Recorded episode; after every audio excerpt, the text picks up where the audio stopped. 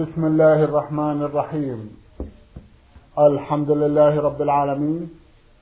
والصلاة والسلام على نبينا وسيدنا محمد وعلى آله وصحبه وسلم. مستمعي الكرام السلام عليكم ورحمة الله وبركاته. وأسعد الله أوقاتكم بكل خير. هذه حلقة جديدة مع رسائلكم في برنامج نور على الدرب. رسائلكم في هذه الحلقة نعرضها على سماحة الشيخ عبد العزيز ابن عبد الله بن باز الرئيس العام لإدارة البحوث العلمية والإفتاء والدعوة والإرشاد. مع مطلع هذه الحلقة نرحب بسماحة الشيخ ونشكر له تفضله بإجابة الإخوة المستمعين فأهلا وسهلا بالشيخ عبد العزيز. حياكم الله وبارك فيكم. حياكم الله. أولى رسائل هذه الحلقة رسالة وصلت إلى البرنامج من أبها. باعث الرسالة المستمع عمر بن أحمد. الأخ عمر يقول في أحد أسئلته أنا أعمل في محل ويأتيني جاري في بعض الأحيان ويقول لي اصرف لي خمسين ريالا. وحينئذ لا يكون عندي غير الثلاثين مثلا. فأخبره فيقول خذ الخمسين واعطني الثلاثين ويبقى لي عندك عشرون. هل هذا يجوز أم لا؟ جزاكم الله خيرا. بسم الله الرحمن الرحيم. الحمد لله وصلى الله وسلم على رسول الله وعلى آله وأصحابه ومن اهتدى بهداه. أما بعد فهذا العمل لا يجوز لأنه فيه قبض للبعض وتأجير للبعض والصرف لابد يكون يدا بيد. والطريقة السليمة نعم. أن يعطيه خمسين أمانة عنده. ويأخذ الثلاثين قرضا. ثم بعد ذلك يحاسبه عليها. حتى يعطيه يبيع عليه الخمسين أو يرد عليه الثلاثين. ثم يبيع عليه الخمسين يعطيه العشرين. الباقية يدا بيد. ويحاسب على الثلاثين أو يرجع إليه بالثلاثين ويأخذ خمسين. المقصود هذا بيع ما يصلح إلا يدا بيد وثلاثون بخمسين ما يجوز. لكن تكون خمسين أمانة والثلاثون قرضا يأخذها قرضا ولا حرج في ذلك. نعم. جزاكم الله خيرا وأحسن إليكم. يسأل أيضا ويقول بعض الناس يطيل آخر سجدة في آخر ركعة ويخصها بالدعاء دون غيرها. وقد يكون إماما فنلاحظ نحن المأمومين أنه يطيل أكثر من غيرها فما حكم ذلك؟ جزاكم الله خيرا. لا نعلم دليلا يدل على شرعية صلاة السجود الأخير بل السنة يكون مثل بقية السجدات. لا يطيل على الناس بل تكون سجوده بل تكون سجداته معتدلة متقاربة. وهكذا ركوعه وهكذا قيامه يطيل في الأولى. والثانية ويعتدل في السجود ولا يطول على الناس شيء تطويل يضر وهكذا في الثالثة والرابعة من الظهر والعصر والعشاء يقرأ الفاتحة ويركع ركوعا. معتدلا ليس فيه طول كثير ويعتدل بعد الركوع الاعتدال ليس فيه طول يشق على الناس وهكذا السجود كله سواء. يكون فيه طمأنينة واعتدال وعدم عجلة لكن لا يخص السجدة الأخيرة بمزيد الطول لا عدم الدليل على ذلك. إنما هو مأمور بالطمأنينة وعدم العجلة في جميع صلاته في قيامه يخشى في القراءة ولا يعجل وفي ركوعه يخشى ولا يعجل واعتدال بعد الركوع يطمئن ولا يعجل وهكذا السجود وهكذا بين السجدتين وتكون صلاته متقاربة كفعل النبي عليه الصلاة والسلام. اللهم صل عليه. جزاكم الله خيرا وأحسن إليكم. له سؤال آخر يقول فيه ما هو الدليل على وجوب تغطية المرأة وجهها؟ وهل لبس البرقع والكاب جائز؟ والكاب يعرفه فيقول إنه لباس أسود كالثوب ليس مفتوحا من الأمام. جزاكم الله خيرا. الدليل على ستر الوجه واليدين والبدن قوله جل وعلا وإذا سألتموهن متاعا فاسألوهن من وراء حجاب. ذلكم أطهر لقلوبكم وقلوبهم.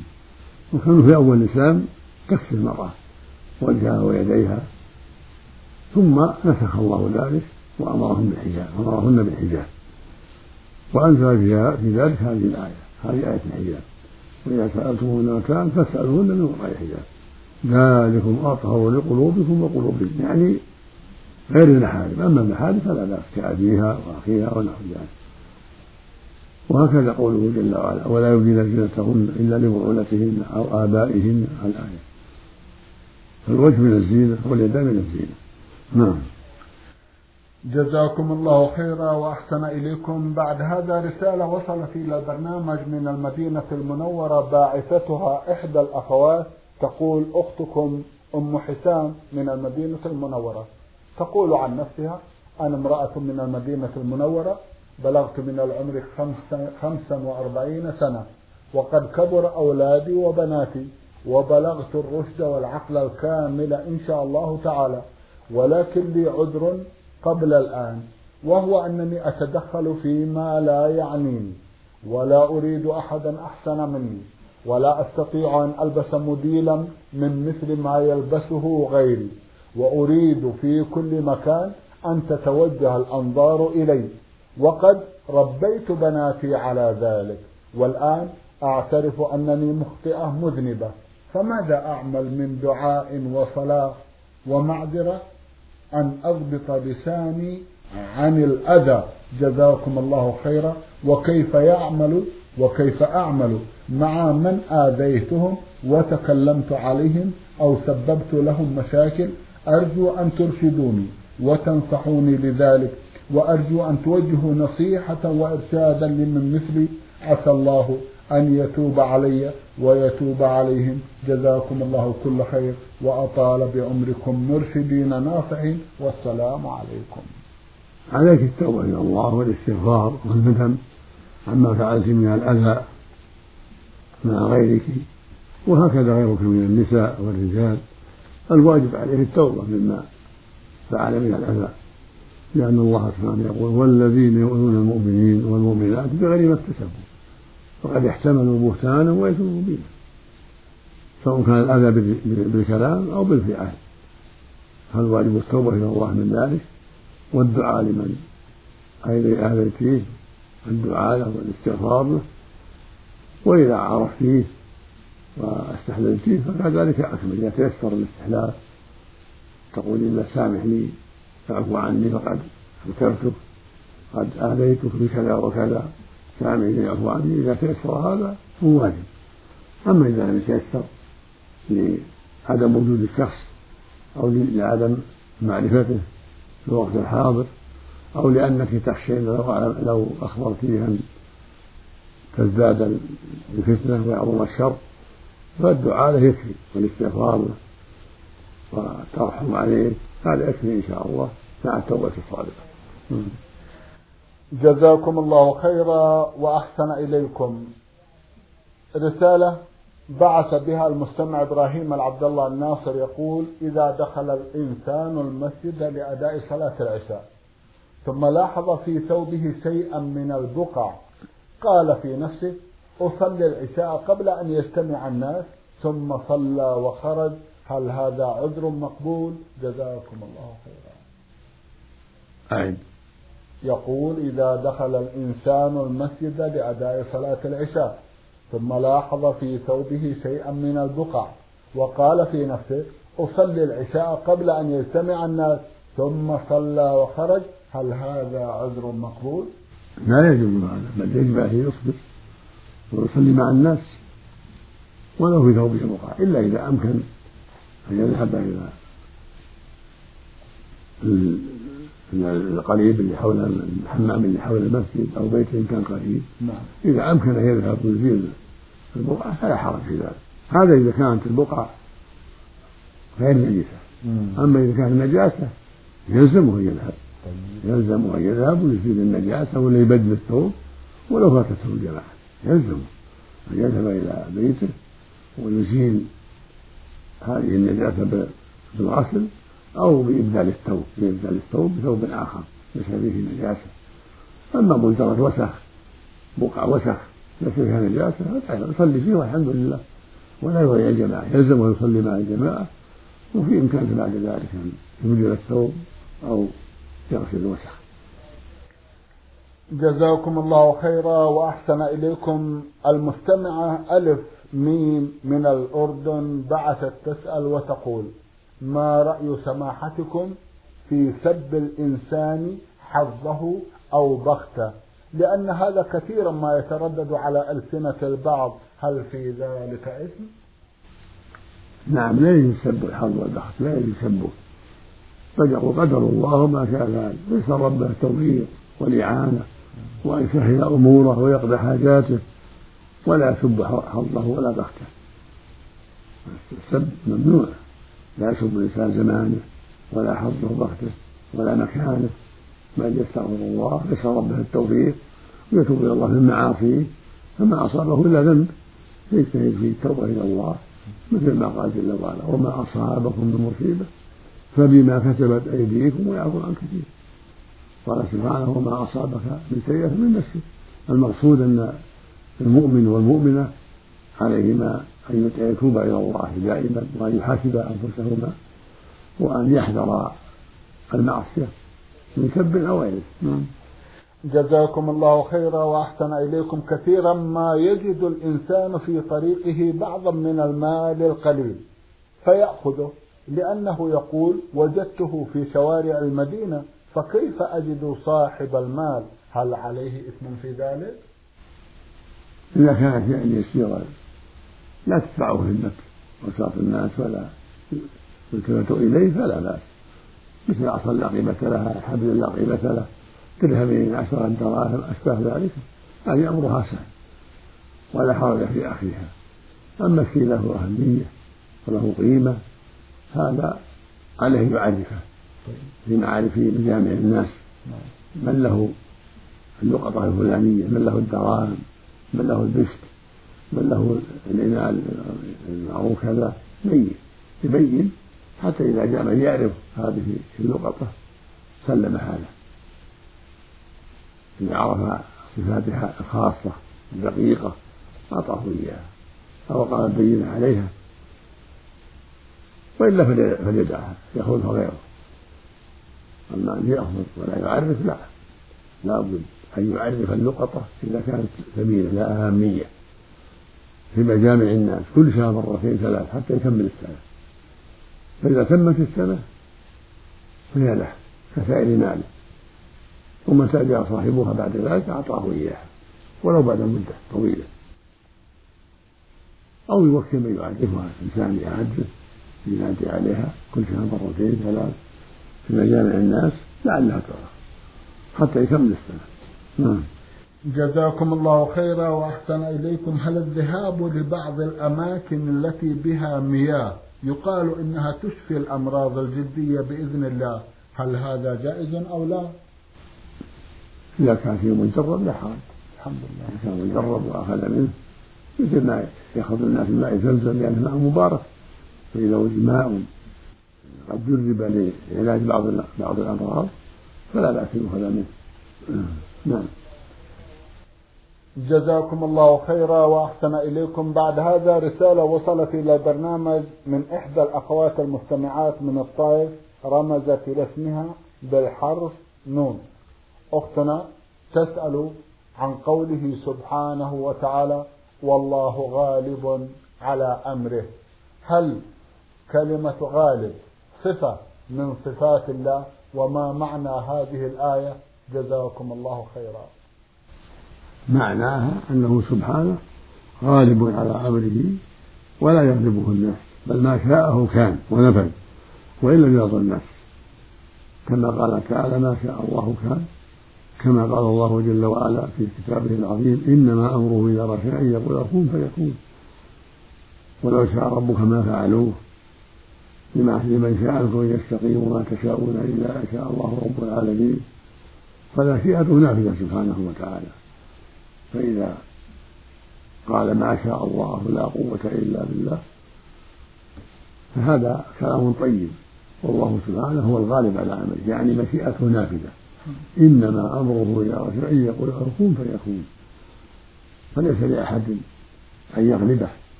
لا يغلبه أحد.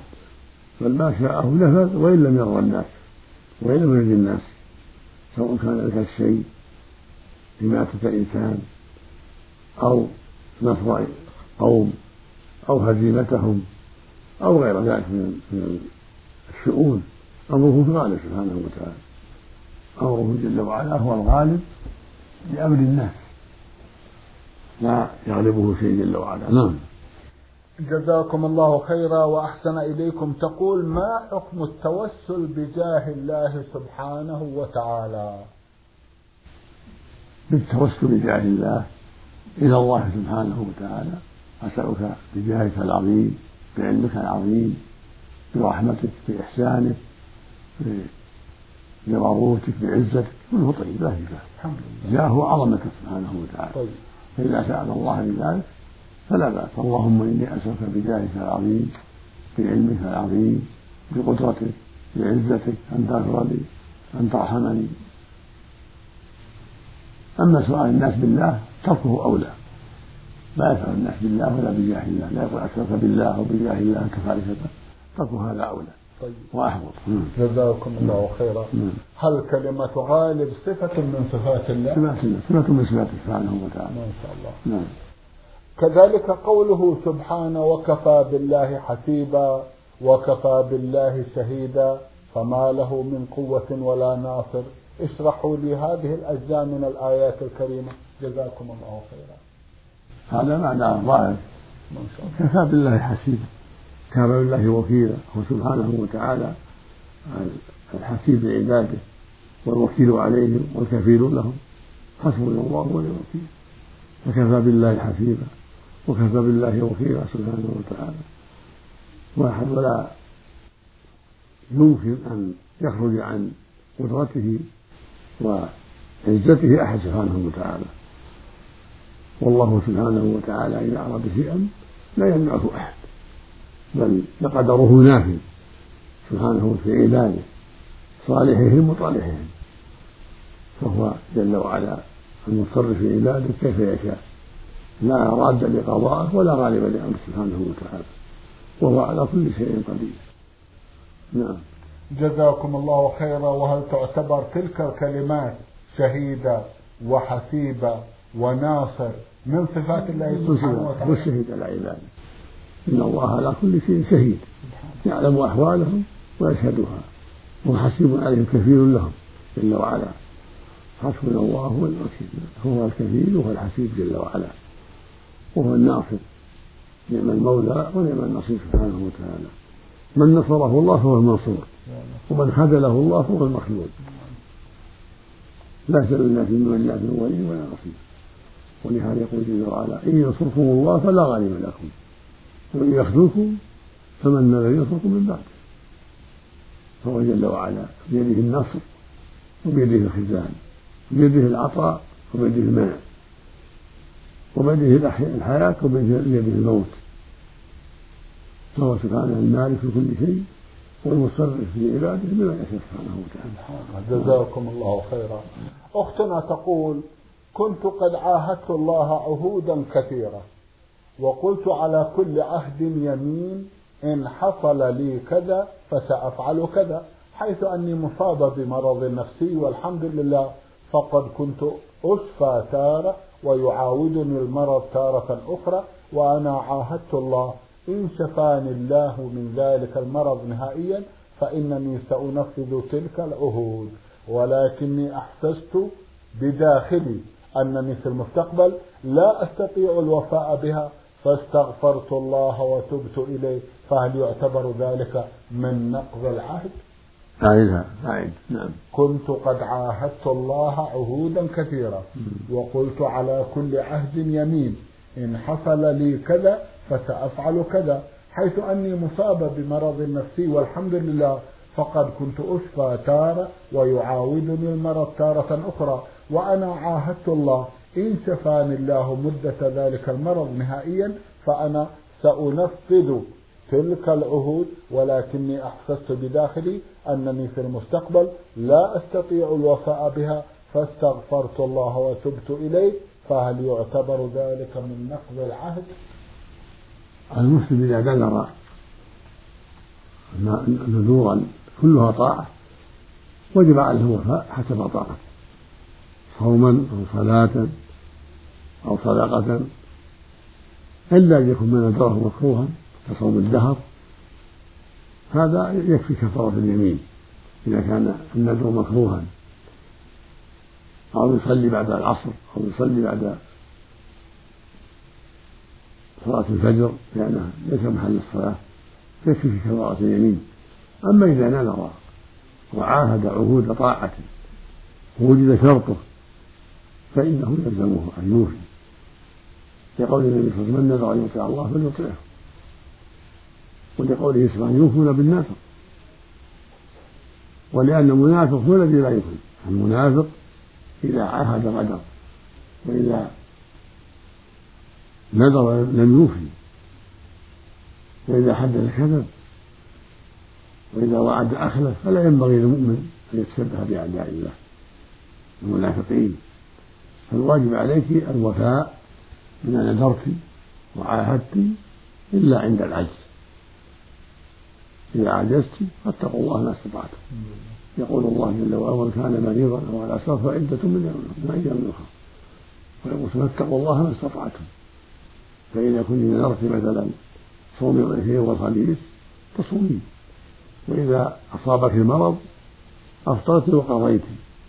وهكذا إذا نذرت الصدقة.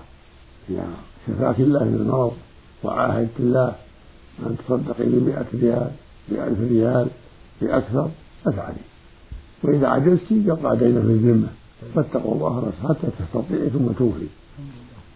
أما إذا كان الشفاء ما تم الشر ما تم قلت شفاني الله ولكن ما تم الشفاء فليس عليك شيء حتى يتم الشفاء طيب. نعم.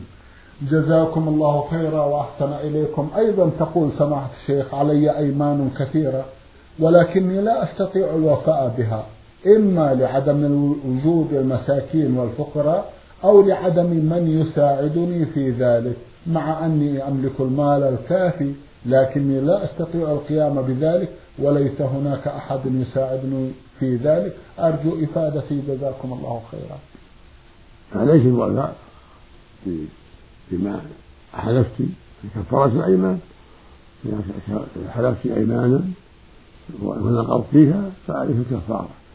فإذا قلت والله ما أثور على فلان حازمة يمين مقصودة. والله ما أكل فلان والله ما ألبسها الشيء. يمينا مقصودة عليك عليك الكفارة. والفقراء موجودون. وإذا كنت عاجزة ما عندك مال تصومين ثلاثة أيام. لأن الله جل وعلا قال في كتابه العظيم لا يؤاخذكم الله باللغو في أيمانكم ولكن يؤاخذكم بما عقدتم الأيمان فكفارته إطعام عشرة مساكين من أوسط ما تطعمون أهليكم. أو كسوتهم أو تحرير رقبة فمن لم يجد فصيام ثلاثة أيام. ثم قال سبحانه ذلك كفارة أيمانكم إذا حلفتم. واحفظوا أيمانكم. فالواجب على الرجل والمرأة المسلم حفظ اليمين وحذر من التساهل فإذا حلف على شيء أنه لا يفعله ثم فعله عليه كفارة اليمين أو حلف أنه يفعل هذا الشيء ولم يفعل. حلف أن يصوم يوم الاثنين. حلف أن يزور فلان يوم كذا. حلف أنه يأكل من طعامه فلم يفعل عليه كفارة اليمين فإن عجز بفقره صام ثلاثة أيام وينبغي أن تكون متتابعة. لأن جماعة من أهل العلم ذكروا ذلك شرطا. وقرأ بعض الصحابة فتصير متتابعة فالمقصود أن الأحوط أن يصومها متتابعة. جزاكم الله خيرا وأحسن إليكم. تقول في سؤالها الأخير من الأوقات المنهي عنها الصلاة بعد العصر. فأنا كان علي نذر. ثم إني صليت نذرا وقرأت جزئين من القرآن الكريم وصليت بعد العصر فقالت لي أختي إن ذلك من الأوقات المنهي عنها فقلت لها إن ذلك نذر وليس قضاء صلاة مفروضة فهل يجب علي الإعادة أو أن ما فعلته كان صحيحا؟ جزاكم الله خيرا. الواجب عليك الإعادة لأنه محل صلاة. بعد العصر وبعد الفجر ليس محل صلاة إلا ذوات الأسباب. الصلاة المشروعة فيه كالكسوف بعد العصر تحية المسجد صلاة الطواف. أما النفل له أوقات له أوقات أخرى. في إمكانك أن تصلي في في الليل في الظهر في الضحى. وإن كنت عينت الصلاة بعد العصر قلت أصلي بعد العصر هذا نذر معصية. عليك كفارة يمين عن, هذه الصلاة. لأن نذر الصلاة بعد العصر وبعد الصبح. نذر معصية لأنه ليس وقت الصلاة وقت نهي. فعليك كفارة اليمين. كفارة النذر كفارة اليمين. نعم. جزاكم الله خيرا وأحسن إليكم. المستمع عماد من الجمهورية العربية السورية حلب بعث يسأل شرح قول الرسول صلى الله عليه وسلم أخوف ما أخاف على أمتي الهوى وطول الأمل. هذا لا أعرف صحته لكنه مما يخشى على المسلمين. يخشى طول اتباع الهوى أو طول الأمل. هذا مما يخاف على المسلم. فإن الإنسان إذا غلبه هواه أوقعه في المحارم والمعاصي. قال تعالى ولا تتبع الهوى فيضلك عن سبيل الله. قال سبحانه فإن لم يستجيبوا لك فاعلم أنما يتبعون أهواءهم. ومن أضل ممن اتبع هواه بغير هدى من الله. وهكذا طول الأمل. ويجزئه على المعاصي ويقول أتوب بعدين طول الأمل فيتبع على المعاصي ويرجو أن يعيش طويلا حتى بزعمه حتى يتوب. فقد يهجم عليه الأجل ويحال بينه وبين التوبة ولا حول ولا قوة إلا بالله. فالمستحب للمؤمن قصر الأمل والحذر. نعم الله المستعان. جزاكم الله خيرا وأحسن إليكم من حائل المستمع محمد حسين السيد الغويط بعث يسأل عن حكم العمرة عن الوالدة المتوفاة. هل تجوز أو لا؟ وما وهل لذلك من شروط؟ جزاكم الله خيرا. العمرة عن الوالدة وعن الوالد. قربة إذا كان متوفيين قربة وطاعة. وهكذا الحج عنهما. وإذا كان ما حج ولا اعتمر وجب. أن يحج عنهما من مالهما إذا كان لهما مال. فإن كان ما لهما مال شرع لأولادهما الحج عنهما والعمرة عنهما. وهذا من البر والصلة من البر والصلة كن يعتمر عن والده الميت أو والدته أما الحي فلا. إلا إذا كان عاجزا. شيء كبير أو عجز كبيرة فلا مانع من الحج عنهما. نعم. جزاكم الله خيرا وأحسن إليكم سماحة الشيخ في ختام هذا اللقاء. أتوجه لكم بالشكر الجزيل. بعد شكر الله سبحانه وتعالى. على تفضلكم بإجابة الإخوة المستمعين. وآمل أن يتجدد اللقاء وأنتم على خير. الله الله مستمعي الكرام كان لقاؤنا في هذه الحلقة مع سماحة الشيخ عبد العزيز ابن عبد الله بن باز الرئيس العام لإدارات البحوث العلمية والإفتاء والدعوة والإرشاد. شكرا لسماحة الشيخ. وأنتم يا مستمعي الكرام شكرا لحسن متابعتكم. وإلى الملتقى. وسلام الله عليكم ورحمته وبركاته.